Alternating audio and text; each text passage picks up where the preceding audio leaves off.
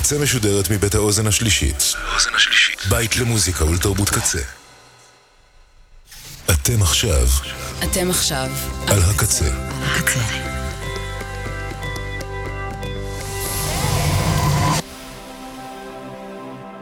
הקצה, הסאונד האלטרנטיבי של ישראל. כבר עשר שנים. הקצה. הקצה. קייזי רדיו. נקודה נט. Welcome. It's nice to have you here. I'm so glad you could come. This is going to be such an exciting day. I hope you enjoy it. Isn't it about time for somebody's favorite radio program? Radio, what the fuck? רדיו רהיט. סינמסקופ. סינמסקופ. עם יאיר רווה. So yeah, that's You the are voice. on the radio. That's the I- radio. this is the radio. That's the DJ. Hi there. שלום לכם. הגעתם לסינמסקופ ברדיו הקצה. היום יום רביעי בתשע בבוקר, בוקר טוב, אם אתם שומעים את השידור החי, או בכל יום נתון שאתם מאזינים לו. היום תוכנית מספר 350, שזה חצי הדרך לתוכנית מספר 700.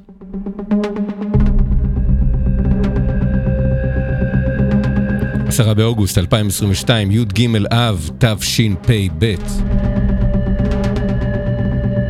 את סימסקופ ברדיו קצה עושים עומר סנש, בן אש, לאה שפיגל, תודה לאוזן השלישית, תודה לצוות האתר kzradio.net, אה, צוות האתר והמגזין שממלאים אותו בתכנים כתובים ומנוגנים. כנסו לאתר, תקראו, תאזינו. ותודה ענקית לסינמטק תל אביב, כי סינמסקופ ברדיו קצה משודר בחסות סינמטק תל אביב. הנה כמה המלצות מטעם הסינמטק עבורכם לשבוע הקרוב, מ... אה, אה, אה, כבר מאתמול, אבל עד שבת, יתקיים בסינמטק פסטיבל האנימציה, אנימיקס, מציין כבר 19 שנים לקיומו, מומלץ לבדוק כמה מקבצים קצרים ומעניינים במיוחד כמו Lost but Never Alone, מקבץ צבעוני ופרוע בעצירת קולנוע קנדה, יחסנו לאן, מקבץ סרטים שצוללים אל תוככי הנפש וסיפורים מהמולטיברס, מקבץ סרטים קומיים שמערערים כל אחד בדרכו את תפיסת המציאות, ולהכנה, אה, זהו, עד כאן אנימיקס. עכשיו נעבור להכנת אה, שני סרטיו הקודמים של במאי האימה הנערץ, ג'ורדן פיל, בשבוע שעבר, ביום ראשון הק- הקרוב, תוכלו לראות את סרטו החדש, אין מצב, בטרום בכורה, יום ראשון בסינמטק. טרום בכורה של נופ, אין מצב, הסרט החדש של אה, ג'ורדן פיל, אחרי אנחנו ואחרי תברח, אח ואחות בחוות בודדים במדבר, במדבר של קליפורניה, חוזים בתגלית מוזרה ומצמררת, מה שבהתחלה נראה כמו פלא על-טבעי, מתגלה כסיוט מטיל אימה שמגיע מלמעלה. בראשון ובשני נמשכת המחווה לבמאית ולשחקנית עאידה לופינו, עם שני פילם נוארים נהדרים בהם שיחקה בתפקיד הראשי. אה, הרי סיירה עם המפרי בוגארט ואלן קרטיס, מספר על אסיר נמלט שנאלץ להסתתר מהמשט... מהמשטרה בהרי הסיירה נבדה, וגאות הירח, שעוסק ברצח לא מפוענח על אסדה בלב ים. לופינו מגלמת אישה שמבצעת ניסיון התאבדות, כשסבל שיכור, ז'אן גבן, מציל את חייה. השניים עומדים להתאהב, אבל לחברו התככן של הסבל יש תוכניות אחרות. אתם, מאזיני סינמסקופ ברדיו הקצה, זוכים למחיר מיוחד לראות את... אה, את uh, שני הסרטים האלה של אה, עאידה לופינו, 15 שקלים בלבד אתם יכולים לראות כל סרט. אם כשתזמינו כרטיס, תקישו את קוד, ההטבה KZ22, KZ22, לסרטים של עאידה לופינו, הרי הנבדה וגאות הירח, 15 שקלים בלבד. וביום שני חגיגה קולינרית וקולנועית בסינמטק. השף ישראל אהרוני מגיע לדבר יחד עם חברי פודקאסט הקולנוע אוכלי סרטים, אוכלים סרטים, על קומדיית המופת היפנית טמפופו. נהג משאית וחברו הטוב עוזרים לבעלת מסעדה להפוך את המסעדה הקטנה שלנו לסיפור הצלחה. רגע. כן, נגמרה לנו מוזיקה, חזרתי אותה. אה, במסע המפגשים של הדמויות שמאירות כל אחת בדרכה את חשיבות המזון בחיינו. מחוץ לאולם יימכרו קוקטיילים מבית המיקסולוגית מאור קורל להשלמת החוויה. כל הפרטים על כל מה שדיברנו, והרבה סרטים נוספים, וכל הכרטיסים לרכישה, חלקם כאמור בהטבה לכם, מאזיני סינוסקו ברדיו קצה, הכל באתר של סמלצק תל אביב, cinema.co.il.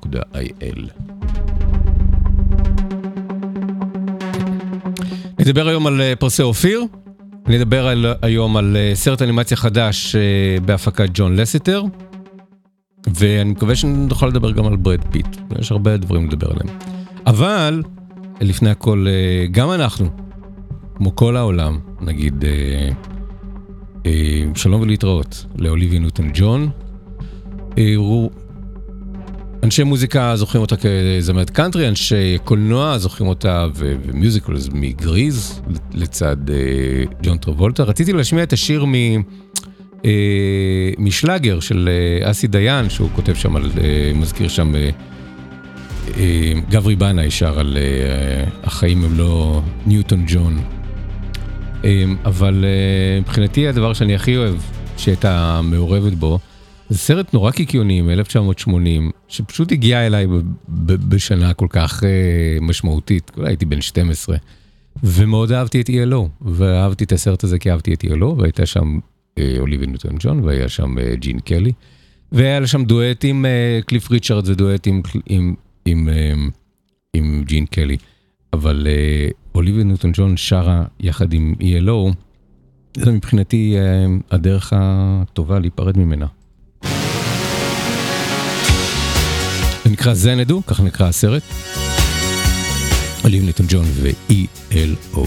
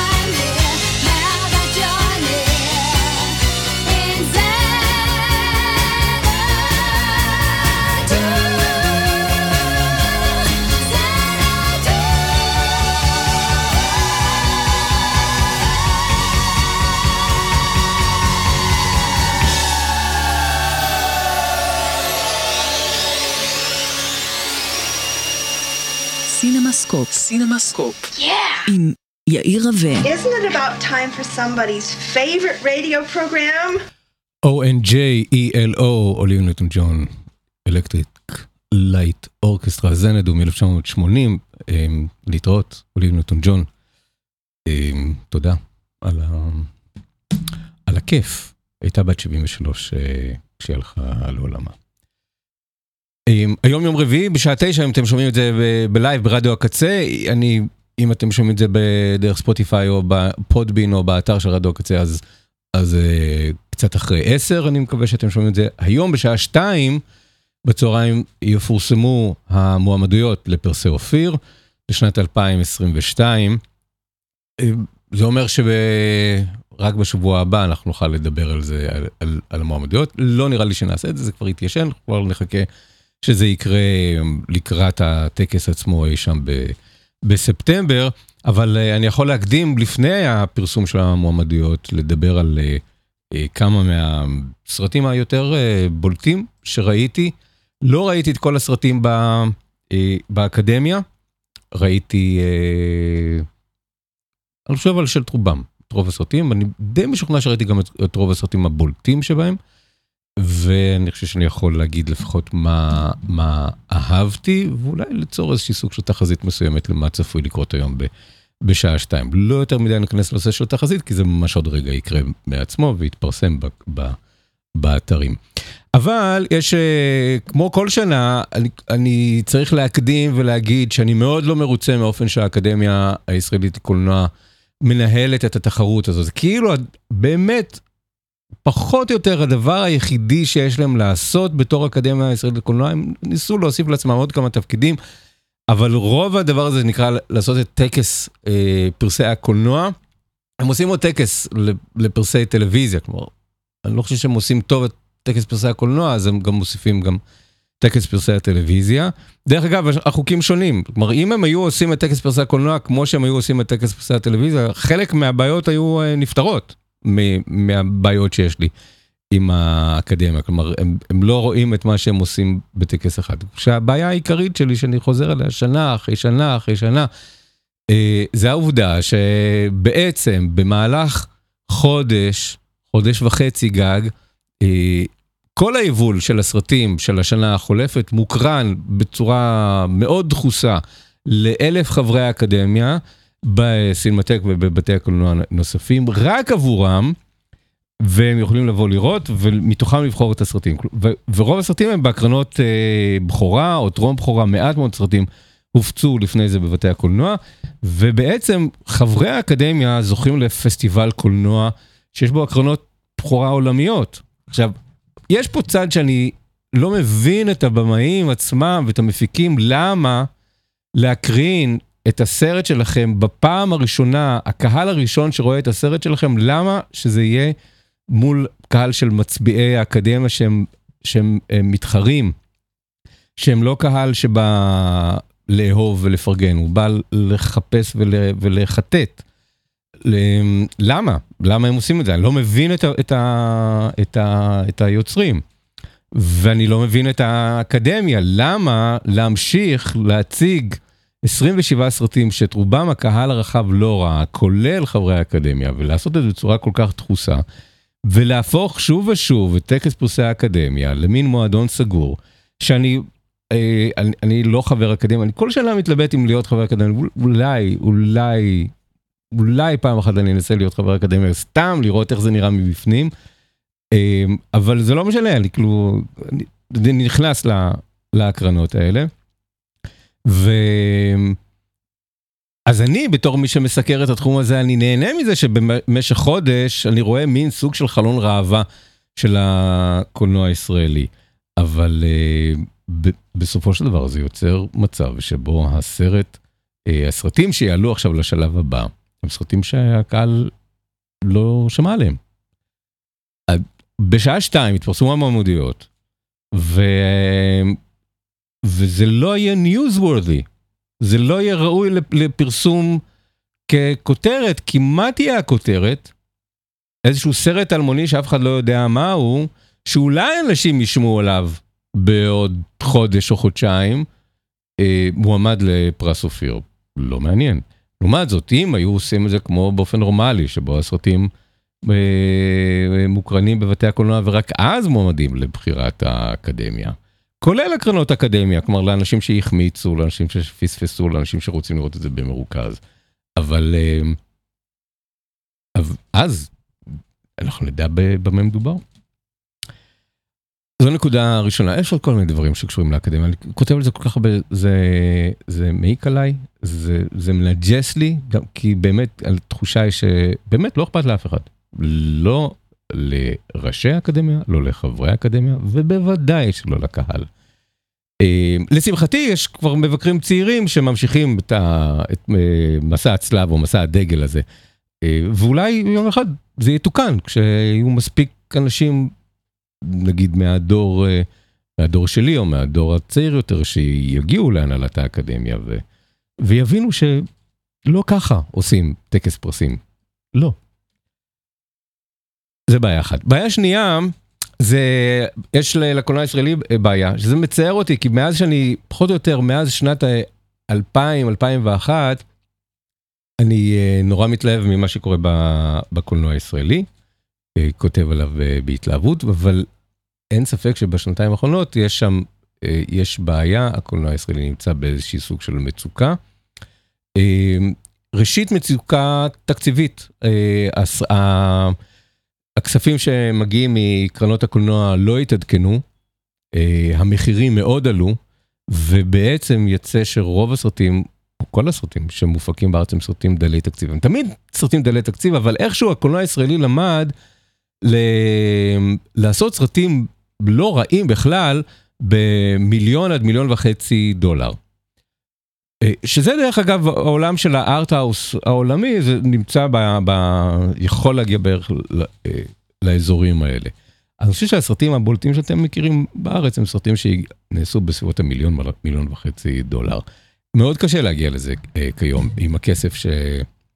שמקבלים מהקרנות, עם זה שהזכיינים כמעט לא נותנים כסף.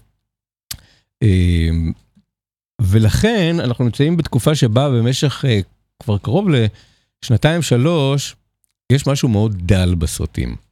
והקולנוע הישראלי הפך ברובו גם קולנוע מאוד מאוד נזירי, וגם לקולנוע של אה, אה, במאי ביקורים, במאים ובמאיות של סרטי ביקורים, כי ברגע שיש לכם שם ומוניטין, אז המצב כרגע בקולנוע הישראלי זה שהשם שלכם לא שווה כלום, כי הסרט הבא שתגישו יהיה בעילום שם, ככה הקרנות מבקשות בשנים האחרונות, מאז שמירי רגב הייתה שרת התרבות, אה, ואז למוניטין וליכולת ולכישרון שלכם אין, אין אה, ערך עבור אה, חברי ה- הלקטורים בהקרנות, ולכן רוב הבמאים המפורסמים מעדיפים בשנים האחרונות לעשות טלוויזיה.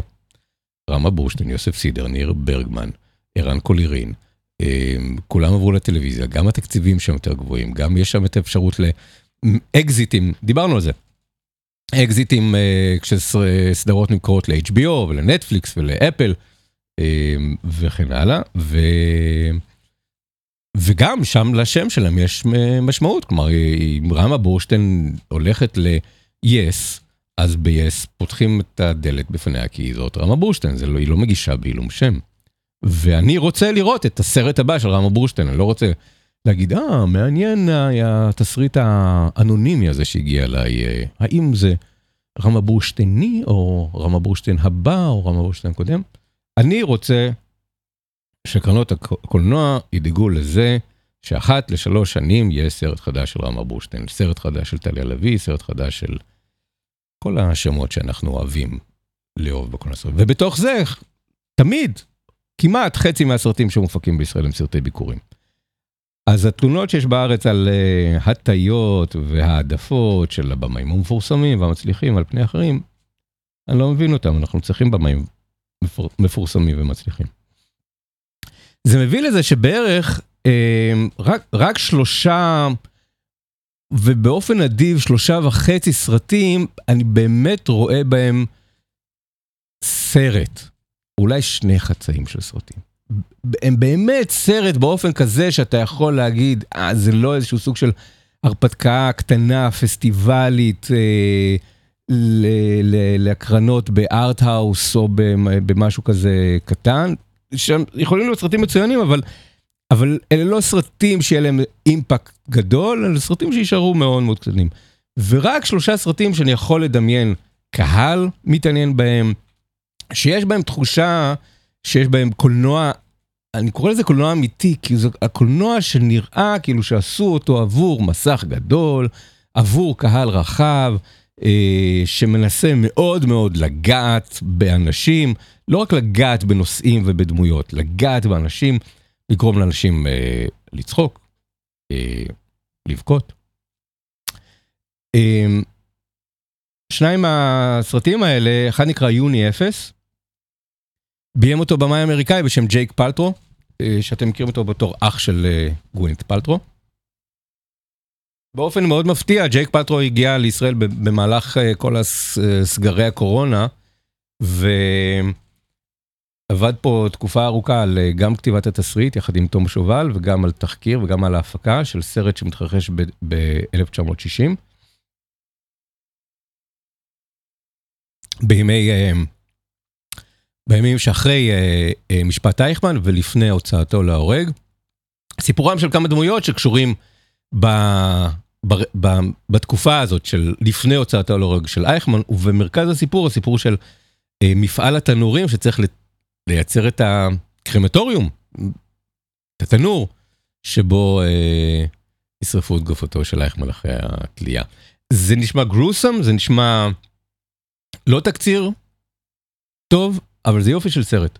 והוא מושקע, והוא יפה, והוא תקופתי, והוא, אה, והוא מפתיע, והוא נוגע ללב, והוא סרט מאוד מרשים. עכשיו, מה החשש שלי? החשש שלי זה שהחברי האקדמיה בארץ כל כך התרגלו לנזיריות של הקולנוע הישראלי, לסרטים כמו אסיה, ולסרטים כמו אה, הרופא מברלין, שכשמגיע אליהם כבר סרט כזה שהוא אה, אמריקאי, הוא נראה, גדול מהחיים, החשש שלי זה שהם יגידו, אה, זה לא, לא יופי של סרט, אבל זה לא מתאים לפרס אופיר.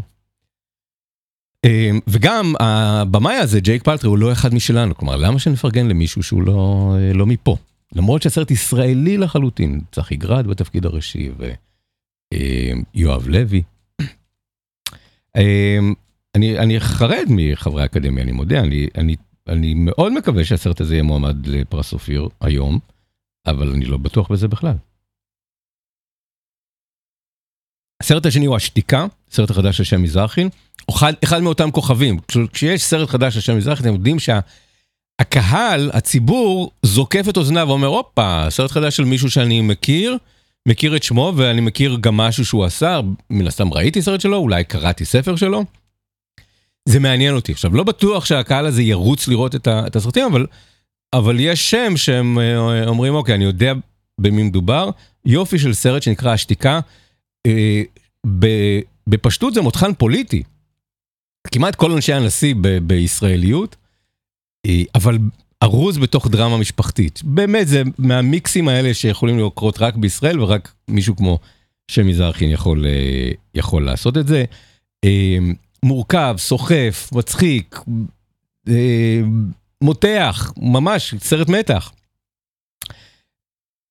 וגם פה, אני אה, חושש שהאקדמיה אומרת, אוקיי, שמזרחי כבר זכה בפרס אופיר על, אה, על, בבימוי, על אה, אה, מסוכנת, וזכה בפרס אופיר לסרט על אה, אביב אהובתי, בסדר, עשה את שלו, שימשיך הלאה.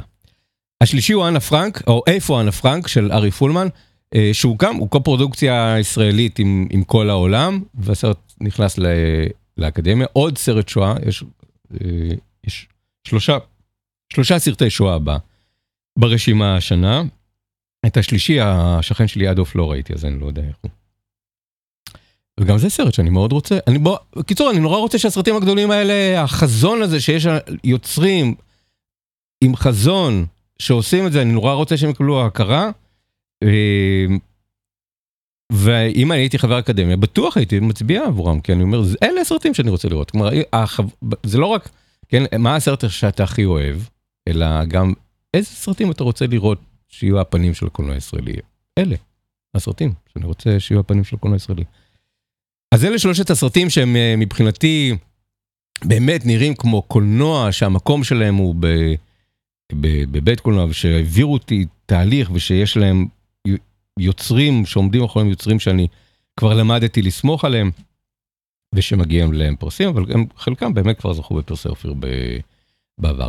החצי שהזכרתי הוא אה, סרט שנקרא הדרך לאילת של יונה רוזנקיר, רוזנקיר, אה, שזכה בפסטיבל ירושלים האחרון, אה, שהוא גם מצד אחד סרט נזירי בזה שהוא בעיקר שתי דמויות, אבל, אבל יש לו נפח. זה סרט מסע מאוד מרשים ב, ב, בנפח ה, הגיאוגרפי שלו, אה, ממש לאורך כביש 90, מאיפשהו באצבע הגליל אני מניח, מאיפשהו מה, מהצפון עד לאילת. אה, אבא ובן יוצאים למסע. מהבחינה הזאת, לפני שנתיים היה לנו את אה, הנה אנחנו של ניר ברגמן שזכה בפרס השחקנים ובפרס הבמאי ופרס התסריט, אה, שהוא גם הוא היה סרט מסע אה, מהצפון לאילת של אה, אבא ובן. את הסרט של ניר ברגמן אהבתי יותר, הסרט של אה, הדרך לאילת הוא סרט שמאוד חיבבתי. אה, אז אני בטוח שהוא יהיה מועמד. ו, ומפה אני אזכיר עוד שני סרטים ש... שמאוד הערכתי, שגם להם, בהם היה איזשהו, איזשהו נפח. סרט אחד נקרא בתולים, של מאור זגורי. מאור זגורי, אנחנו מכירים אותו מהטלוויזיה, מכירים אותו מהתיאטרון, זה הסרט הראשון שלו כתסריטאי ובמאי. אה, והרשים אותי, הסרט הזה, וילדים של אף אחד של ארז תדמור. איכשהו נדמה לי שהסרטים האלה לא יהיו מועמדים לפרס הסרט, אבל כן נמצא אותם בפרסי המשחק למיניהם. אז רציתי להזכיר גם, גם אותם, כי גם הם, להם יש איזשהו סוג של נפח כזה ש, אה, שהלך איתי, איזשהו סוג של דימוי. מפה אנחנו עוברים לעוד אה, שלושה סרטים שאני כמעט בטוח שיהיו נוכחים מאוד במועמדויות, ובראשם סרט שנדמה לי שהוא כרגע המוביל לזכייה, אה, סרט שנקרא קריוקי, אה, סרט ביקורים של במאי בשם משה רוזנטל, בהפקת החוג לקולנוע באוניברסיטת תל אביב. ואחריו סינמה סבאיה של אורית פוקס, שראיתי בפסטיבל ירושלים בשנה שעברה, וולריה מתחתנת של מיכל ויניק, שהוא לא סרט שמאוד אהבתי, אבל הוא, אני חושב, הוא המודל של הקולנוע הישראלי הנוכחי, שאני טיפה במצוקה ממנו, שזה ארבעה אנשים בדירה, אה, וזה לא, לא יודע, לא מספיק קולנוע בשבילי. אהבתי את ההתחלה שלו, לא אהבתי את ההמשך, אבל יש לי תחושה שיש לו אה, המון אוהדים בחברי האקדמיה. אז איכשהו, מבין 27 סרטים ש, אה, שהוגשו, שוב, אני מדבר על הסרטים העלילתיים, אני לא מדבר בכלל על סרטים קצרים, סרטים תיעודיים. מספיק עבודה עם הסרטים העלילתיים. אה, אז אה, מתוך 27 סרטים, אני חושב ש... אה, סימנתי לי שישה סרטים שאני כזה בעדם. שבעה כולל ולרי מתחתנת שאני, יש לי תחושה שהוא יהיה, יהיה חזק ב, אה, בתחרות, אז צמצמנו את זה לשבעה, מתוכם אני חושב שנשמע היום את אה, שמות המועמדים. אבל אה, כן, צריך לזכור שכל זה קורה בזמן שקורים שלושה דברים. אחד, אתם, הקהל הרחב, אם אתם לא חלק מתעשיית הקולנוע, לא יודעים על מה אני אדבר. לא שמעתם על הסרטים האלה, לא ראיתם אותם, אתם לא יודעים שהם, שהם קיימים, אתם לא יודעים שיש בכלל פרס אופיר, ופרס אופיר והאקדמיה דואגים שזה יהיה המצב, הם לא רוצים שתדעו. אמ, פגש אותי יושב ראש האקדמיה בכניסה לאחת ההקרנות, וביקש שאני לא אכתוב על התחרות. אמרתי, סוף סוף יש מישהו אחד בעיתונות שכותב בארץ על הסרטים ועל התחרות. הוא אומר, אני לא צריך... אה, לא צריך יחסי ציבור, כך הוא אמר. אז מה, אז בשביל מה הם עושים את כל הדבר הזה? אז אה, לא יודע. אז, אה, אז אתם הקהל הרחב, אם אתם חברי אקדמיה או אם אתם יש לכם סרט בתחרות או אם יש בני משפחה שלכם סרט בתחרות אז אה, אולי מעניין אתכם קצת, קצת יותר, אבל יש, יש בעיה גם באקדמיה וגם בסרטים שהיא אמורה לבחור. ובתוך כל זה יש את הדבר ש... לי הכי עושה כאב בטן, שהסרט הזוכה הוא הסרט שולחים אותו לאוסקרים. וזה אני חושב אחד העיוותים הגדולים בתחרות הזאת. אה, הרבה אנשים שאני, אה, שאומרים לי מפורשות, אהבתי יותר את הסרט הזה, אבל הסרט ההוא מתאים יותר לשלוח אותו לאוסקרים. וזה עיוות של התחרות, וזה נורא קל לשנות את זה, אבל uh, באקדמיה לא אכפת להם, כי הם רוצים, שוב, מבחינתם הפרס של כל הטקס הזה שנקרא פרס אופיר, לא הפסל, לא השידור, הפרס הוא כרטיס טיסה להוליווד. זה הפרס של התחרות הזאת, וזה נשמע לי נורא קטן ומאוד מאוד קטנוני. אמ, קריוקי, נקרא קריוקי כי uh, בסצנת מפתח שבו uh, הגיבורים, ששון גבאי וליאור אשכנזי, uh, עושים, uh, שרים קריוקי. ואחד השירים שהם uh, שרים שם, השיר של ששון גבאי שר, שיר של uh, אבי טולדנו, באמת, לפעמים עריכה מוזיקלית uh, טובה, ששולפת איזשהו שיר מהארכיון, יכולה להפוך סרט לבלתי נשכח, זה אחד הדברים שקורים שם. אם הסרט יזכה בפרס אופיר, אז הוא יצטרך לצאת לבתי הקולנוע די בקרוב, כי זה, אלה חוקי האוסקרים האמריקאים. אז אתם תשמעו בקרוב את ששון גבאי, מבצע את מה חשוב היום של אבי טולדנו.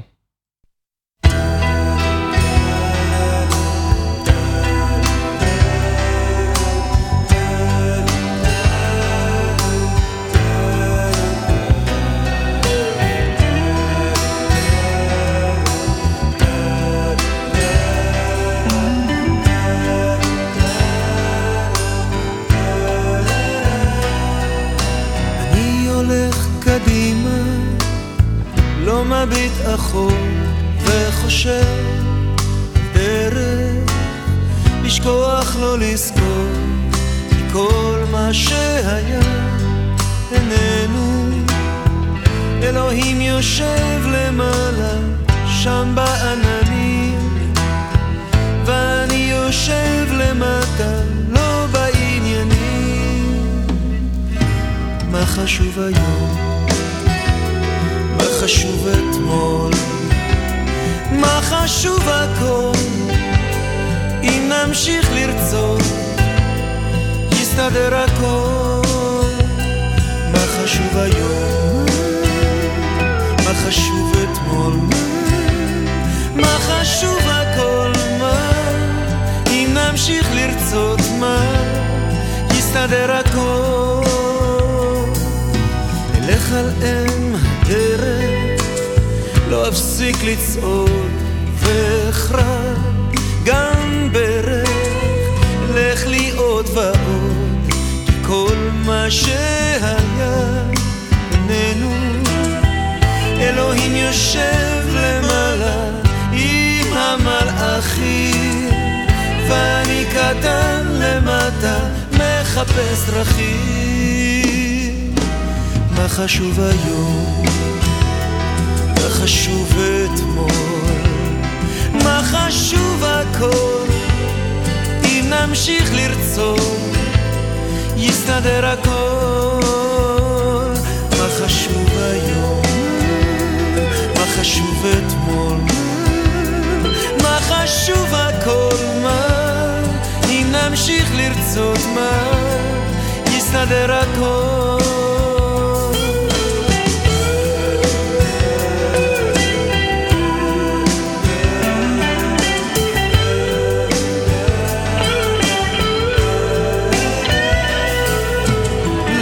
נדע גם פחד, לא נדע מכאוב, ונלך ביחד עד הסוף הטוב, כי כל מה שהיה איננו, את פניי אשים קדימה, לא הביטחון. ותראו אני מבטיח, מבטיח לא לחזור. חשוב היום? מה חשוב אתמול? מה חשוב הכל?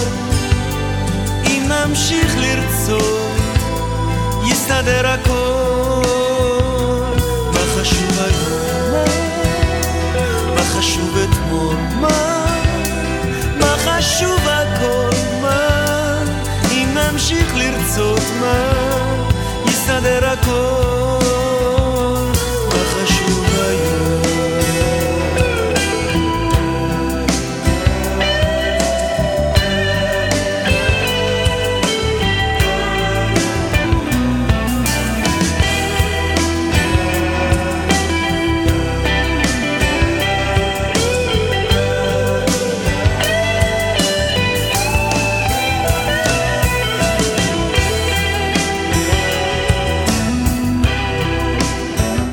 טולדנו, מה חשוב היום?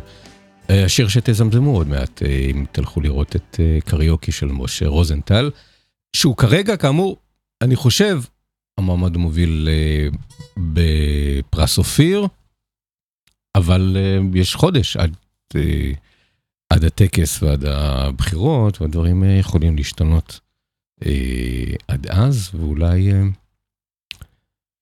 אולי מישהו אחר, פחות אה, סרט של אה, שני אנשים בדירה. אה, אני מודה, קשה לי. סרטים על אה, שני אנשים בדירה. זה נהיה נורא נפוץ, פשוט כי זה זול. אה, זול להפקה. בואו נעבור הלאה. אה, לסרט שלא יצא בבתי הקולנוע, אלא הגיע לשירות הסטרימינג בביתכם, אפל TV פלוס. סרט חדש, סרט אנימציה חדש שנקרא Luck. לפני שנדבר על הסרט, נדבר על איך הגיע הסרט הזה אליכם, כי הוא הסרט הראשון של אה, אולפן אנימציה חדש שנקרא סקיידנס Animation, חברת סקיידנס אתם מכירים, אה, החברה של אה, דויד אליסון, אה, שעושה בעיקר סרטי, לא בעיקר, אבל אני חושב שהפרסום שלהם הגיעו מסרטי מדע בדיוני, אבל הם עושים סרטי, סרטי ז'אנר אה, יחסית גדולים, והם החליטו להקים אולפן אנימציה לפני כמה שנים, וזה הקטע שהופך את זה אה, ראוי לכותרת וגם שנוי במחלוקת. אה, דיוויד אלסון בחר בג'ון לסיטר לעמוד בראש האולפן החדש הזה. ג'ון לסיטר, כמזכיר, היה האיש אה, שניהל את פיקסאר, האיש שהפך את פיקסאר לסיפור ההצלחה, ועד כדי כך שכשפיקסאר מוזגה יחד עם דיסני, ג'ון לסיטר נשאר לא רק אה, האיש שעומד בראש פיקסאר, אלא גם הפך להיות אחד האנשים הבכירים בצוות הקריאטיבי של דיסני ודיסני אנימיישן. ובאמת, אני חושב שרוב הדברים שראינו באנימציה בעשר השנים האחרונות, או בחמש עשרה השנים האחרונות מדיסני ומפיקסאר, אה, הגיעו תחת אה, ניהולו המאוד מאוד אה, קפדני ומאוד אישי של ג'ון לסיטר. אלא מה? שכשהתעורר כל העניין הזה של מיטו, התברר שג'ון לסיטר אה, הוא גם מאנשים שגרם ל... אה, שהוא אשם בהתנהגות לא נאותה ליד, אה, לצד נשים. אני, אני מודה שאני לא חושב שהוא הואשם בתקיפה, אלא באמת רק inappropriate behavior והתנהגות לא, לא נאותה. הוא פשוט גרם לנשים להרגיש לא בנוח בסביבתו, חצה כנראה קווים, גם במילים, גם בהערות. כנראה שהיה מין פלרטטן, חבקן. אה, בדיעבד רואים שהסרטים של פיקסר הם לא סרטים מאוד פמיניסטיים. פיקסר לא באולפן שמאוד קידם אה, במאיות. בדיעבד מבינים את, אה, את זה שזה הפך למין מועדון בנים, אז כנראה זה יתנהל כמו מועדון בנים. והוא... עזב את uh, פיקסר ודיסני, אבל למעשה הוא הודח מה... משם. ביקשו ממנו לעזוב, כי זה היה uh, לא טוב עבור החברה. ואז אה, הוא נלקח מיד על ידי דויד אליסון, שהוא גם מין כזה איש של הוליווד הישנה, לה, להקים ולעמוד בראש חברת סקיידנס Animation. עכשיו, ופה מתחילה השאלה שלא שאלת תוכן, אלא שאלה של... אה, מוסר והתנהגות אה, אישית. איך אנחנו אה, מקבלים את זה שמישהו שהתנהג, שגילינו שהתנהג לא בסדר בחברה אחת, אה, הולך ועומד בראש חברה אחרת. עכשיו, לי יש לא מעט שחקניות שסירבו או הצהירו שהם לא יעבדו עם החברה הזאת, שהם לא יעבדו עם ג'ון לסיטר. ופה אני אומר שאני בקונפליקט. אני, א', מניח שיש, שאנשים אה, לומדים ומתגברים ומשתנים. אני חושב שזה משהו, כלומר, אני חושב שאם ג'ון לסטר היה ממשיך להתנהג לא בסדר, היינו, עכשיו, בימינו היינו שומעים את זה. אה, אבל יכול להיות שהוא השתנה. אה, ושוב, אני לא חושב שהוא עשה שום דבר פלילי, אני לא יודע, באמת. אבל בתוך כל זה צריך להגיד את הדבר ש, שצריך גם אותו להגיד, האיש גאון, האיש, כשזה מגיע לסרטי אנימציה, הוא יודע איך לבנות סיפור באמת יותר טוב מכל אחד אחר. הוא האיש הכי קרוב לוולט דיסני של, אה, של ימינו. ו... ואני מודע לזה שיש פה את כל הבעייתיות הזה ש... שגבר אה, אומר את זה. אה, שוב, אני, אני יכול לחיות בעולם שג'ון לסיטר מובטל בו, או כותב ספרים, או אה, עושה דברים בלי קרדיט. אבל אם כבר מצאו לו ג'וב, ואולי הוא מנסה לתקן את עצמו, כי הנה הסרט הראשון שהחברה מפיקה הוא סרט על דמות נשית ראשית, וסרט בבימויה של במאית. אה, אולי זה טוב לגרום לאנשים ששוב, אני חושב שהוא לא עשה דברים פליליים, אבל הוא פשוט התנהג לא בסדר. אולי זה טוב שהוא מתקן את דרכיו ומלמד אחרים איך עכשיו אה, נכון להתנהג. אני לא יודע. מה שכן, הסרט הראשון שלהם, אה, הם, הם עשו הסכם, חברת סקיידנס אה, Animation עם, עם אפל TV פלוס, וכמה מהסרטים שלהם ילכו ישירות אליהם. והאם הייתי אה, שם לב שג'ון לסיטר מעורב בסרט הזה אם לא הייתי יודע את הסיפור מאחורי הלוגו החדש הזה של סקיידנס Animation? אני לא יודע, אבל אני חייב להגיד ש-20 הדקות הראשונות של הסרט פשוט מקסימות. ואם יש דבר אחד שאנחנו יודעים על, אה, על פיקסאר, על, ה, על החוזקה הגדולה שיש ל, ל, לפיקסאר, זה האופן שבו הם אה, בונים עולם. יוצרים עולם, מכניסים אותנו הצופים לתוך העולם של הדמויות וגורמים לנו מיד לחבב את, ה, את הדמויות האלה ואת העולם שלהם ואת המצוקה שבתוכה הם נמצאים ומה הם צריכים לתקן בחייהם. הם עושים את זה שוב ושוב מאוד יפה ו... וזה, וזה נוכח גם בסרט הזה, כלומר, סרט של נגיד 100-110 דקות, 20 דקות הראשונות שלו באמת אה, מקסימות. התמוגגתי, צחקתי בקול רם, אה, יש שם המון דברים שקורים ללא מילים, פשוט, פשוט סיטואציות, פשוט דברים שקורים ואנחנו מתוודעים לעולמה של הגיבורה שלנו, של סם גרינפילד, ו... ומה היא רוצה, מהחיים שלה, מה היא רוצה לתקן. זה סיפורה של אה, נערה בת 18 שעוזבת את המין בית אומנה זה לא בית יתומים, זה סוג של בית, בית אומנה כזה, שבו ילדים אה, ללא משפחות אה, חיים, ואמור להיות תחנת מעבר לקראת אה, האימוץ שלהם על ידי משפחות. היא לא אומצה, ובגיל 18 היא עוברת לחיים עצמאיים משל עצמה. רק מה, ידוע שהיא שלימייזל, כמו שנקרא, אני חושב שזה פשוט סרט שאני חושב שבטח דיברו המון ביידיש כשהפיקו אותו. זה סרט על שלימייזלית, על מישהי שאין לה מזל. אין לה מזל טוב, שהכל הולך נגדה, שהכל נופל לה מהידיים, הכל נשבר, הכל מתרסק, וכשהיא אה, מפילה אה, פרוסה מרוחה בריבה, אז היא תמיד תיפול על הצד המרוח בריבה כלפי מטה. אה, ואז היא נתקלת במטבע בר מזל, יש את העניין הזה של, כן, כל מיני דברים שהם קמעות למזל טוב, אה, אה, אה, מטבע פני בר מזל,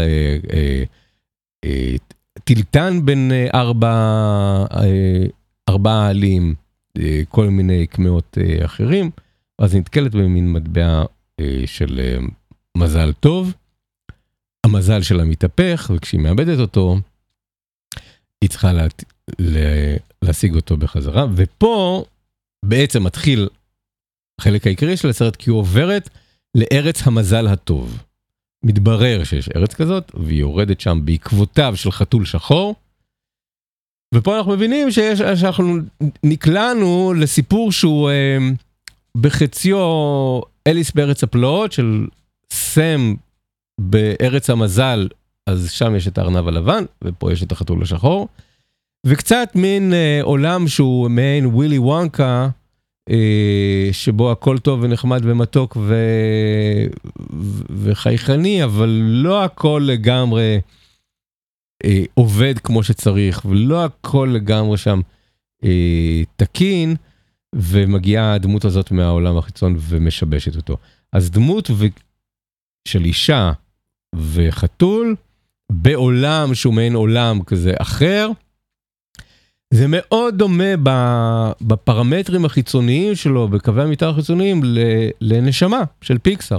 סרט שהופק כבר אחרי לכתו של ג'ון לסטר. עכשיו, אני מניח שה- שהסרט אולי נכתב או נהגה, או, או שג'ון לסטר היה שם, אבל, אבל העולם הזה של אה, דמות וחתול, במעין עולם הבא, והזיגזוג שלהם בין העולמות, אה, קצת הזכיר את אה, נשמה. אני מודה שהסרט החדש לק פונה לקהל יותר צעיר, אה, ולכן יש בו משהו שהוא יותר חינני ויותר משעשע ויותר מצחיק וגם יותר סלפסטיקי. ובסופו של דבר, כמו שאתם יכולים לדמיין, כשאתם נמצאים בסרט שמגיע עבור ילדים, אז הם מנסים להמחיש לנו משהו, ולהגיד לנו מצד אחד יש מזל, אנחנו יכולים לדאוג לשפר את המזל שלנו, לעשות משהו עבור זה של, כן, לא להיות פסיביים בקשר למזל, אבל גם המסקנה הסופית היא שהמזל לא משנה כלום, אלא רק מה שאנחנו אה, עושים. יש פה איזשהו סוג של אה, מוסר השכל. יש בטן בסרט הזה באמצע, אבל הוא מתחיל מקסים ונגמר מקסים, ו... והבמאית, לא הכרתי את שמה, קוראים לה אה, פגי הולמס. בין המדבבים בגרסה האנגלית, אין גרסה לעברית בדיבוב, יש לה הרבה שפות אחרות, אבל בגרסה האנגלית אז סיימון פג ווופי גולדברג וג'יין פונדה מדבבים את, ה, אה, את הדמויות. וחיבבתי את הסרט הזה, לק. אז אני יודע שנקרא מחאות על זה שג'ון לסיטר כאילו החזירו אותו לעבודה, אבל אני אומר, אולי, אולי זה בסדר, אולי אפשר ל... להמשיך, להמשיך הלאה ולעקוב אחריו, לראות שהוא באמת למד את הלקח שלו, איבד את האימפריה הזאת שהוא בנה, אה, איבד אותה בגלל התנהגות והיבריס, ואולי עכשיו הוא יבנה משהו חדש, שיהיה טוב יותר, נכון יותר, מכיל יותר, ואולי כך הוא, הוא יעזור לתקן במשהו את, אה, את העולם. אולי, אולי. לפני אה, 40 שנה, בדיוק, שבוע לפני 40 שנה, יצא השיר הזה.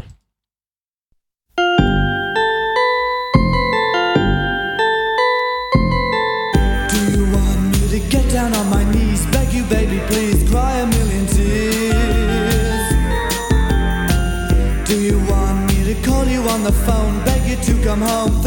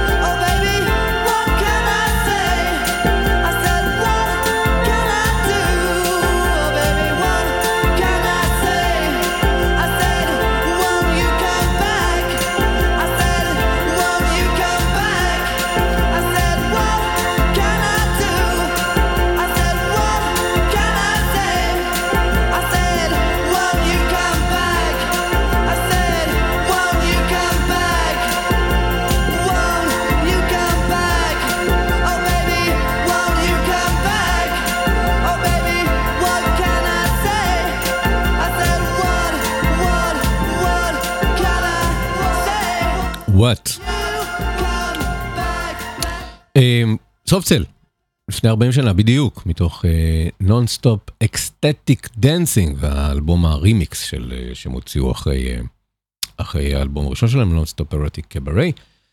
ו... כן. לסיום, נעלה על אה, רכבת הקליע. ב-2017 קרו שני דברים אישיים עבורי, אה, ש...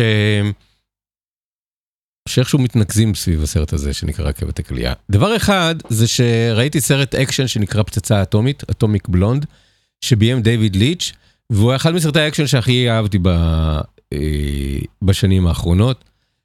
דיוויד ליץ' ביים לפני זה את ג'ון וויק ואחר כך את Hobbs and Shaw, אבל הסרט היחידי שלו שבאמת ממש ממש חיבבתי אה, היה הפצצה האטומית ואמרתי וואו אני רוצה לראות עוד סרטים של הדיוויד ליץ' הזה. אז, אה, אז הנה מגיע הסרט הזה של דיוויד ליץ', ממש הלכתי בציפייה גדולה, אמרתי וואו שזה יהיה כיף כמו שהיה הפצצה האטומית. ועוד דבר שקרה ב-2017, הייתי לראשונה בחיי ביפן, יש לי איזשהו קטע עם רכבות, לא יודע אם זה משהו שאני צריך לדבר עליו בפומבי, אה, אבל היה לי נורא חשוב שכשאני מגיע ל- ליפן, לעלות על רכבת הקליע, על השינקנסן, אה, ה Bullet Train, ולנסוע איתה מטוקיו לקיוטו. אה, מכל מיני סיבות, אחת מהן סיבה קולנועית, זה היה, כן, רואים את אה, סקאלה ג'ונסון עושה את זה באבודים בטוקיו. ואחד הדברים שגיליתי על הרכבת זה שאנשים שנורא אוהבים רכבות, אז רכבות זה יותר מרשים מבחוץ מאשר מבפנים, מבפנים לא, לא קולטים את המהירות הזאת, את הרכבת ש, שטסה באיזה 400 קמ"ש, 450 קמ"ש. וזה לא מורגש. מבפנים, אבל היא נורא נוחה ומאוד יפה ומאוד הייטקית, אז שמחתי שעשיתי את זה. והנה מגיע הסרט של דויד ליץ' שמתרחש כולו על אה, אה, רכבת הקליע מטוקיו לקיוטו. אה, ואז אמרתי אוקיי גם רכבות וגם אה, אה, אקשן ומכות וגם ברד פיט בתפקיד הראשי זה בטח יהיה יופי של סרט. אז תקשיבו. אם כל מה שאתם רוצים זה סתם סרט כזה מגניב, חביב, מצחיק, משעשע, מכות, כזה קליל, כזה שכל הזמן קריצות לכיוון הקהל, הסרט הזה, שהוא כאילו המתכון הכי טוב לגלידת קולנוע ב, ב, אה, בקיץ, אז זה הסרט.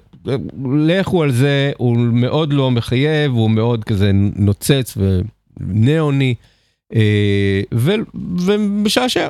מאוד מאוד אלים גם, מאוד מאוד מאוד אלים, קחו את זה בחשבון.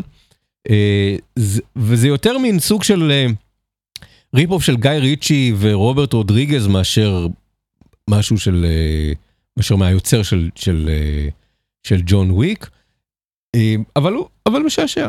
הבעיה היא ש... שעם כל האנשים שנמצאים שם, גם עם הרעיון הזה של לעשות סרט שלם שמתרחש כולו ברכבת, וגם לעשות, גם הבמאי הזה, שאני יודע שהוא יודע לעשות יותר טוב מזה, וגם הקונטקסט היפני, כמו סרט אמריקאי שמתרחש ביפן, וואי, קיוויתי להרבה יותר מזה, קיוויתי לסרט שיהיה בו משהו מרהיב, מדהים, יוצא דופן, אה, עוצר נשימה, וירטואוזי, משהו ש, שאני אגיד, היה שווה לעשות את הסרט הזה בשביל איזשהו סיקוונס, בשביל איזשהו משהו, בשביל איזשהו רגע...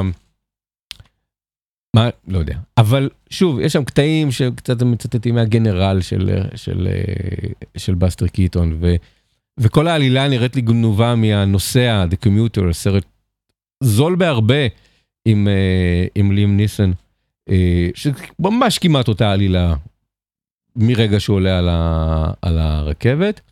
וגם פה יש עניין כזה שקשור במזל ובגורל, שמהבחינה הזאת זה יכול להיות דאבל פיצ'ר עם לק.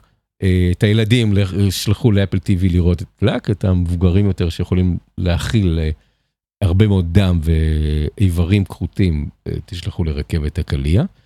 אבל אין שום דבר באמת גדול בסרט הזה, אז הוא חביב.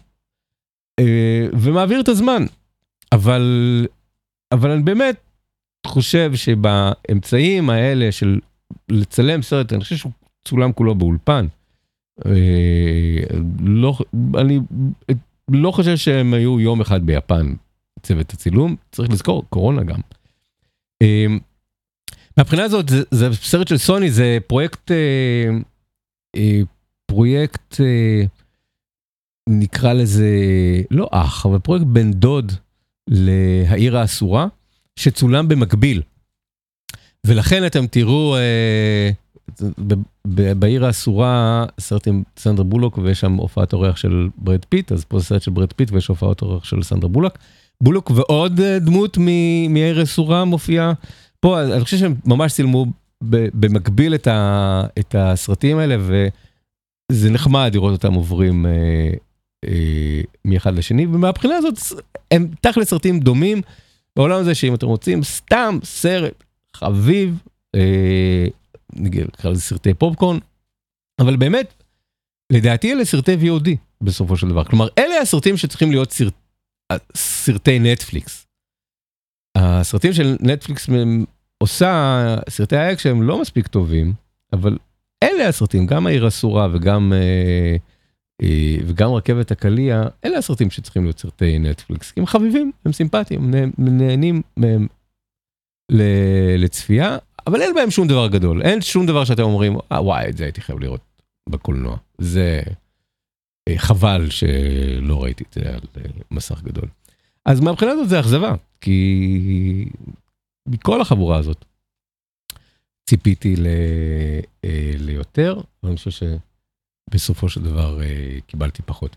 אבל אני מודה שלאורך כל הסרט, חשבתי לא מעט על אה, נבות פפושדו. אה, שאני חושב שנבות פפושדו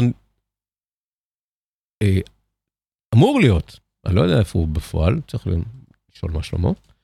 אה, הוא מהאנשים שהיה יכול לעשות את הסרט הזה. כי הסרט שלו, גן פאודר מילקשייק, הוא קצת מהעולם הזה של לעשות מכות מסוגננות עם הרבה אה, קריצות, ו... והוא היה יכול להיות מלוהק לביים את הסרט הזה. ואני מקווה שהוא היה עושה את זה קצת עם יותר מה איזשהו משהו, לא יודע. אז, אה, אז בגלל שראיתי את רכבת הקליעה וגם להיזכר בגן פאודיו מילקשק, מילקשק אבק שריפה, אנחנו נסיים עם הקטע שאני אוהב לפעמים לסיים איתו מתוך אה, מילקשק אב- אבק שריפה. חיים אילפמן, המלחין, בהשראת אה, אניו מוריקונה.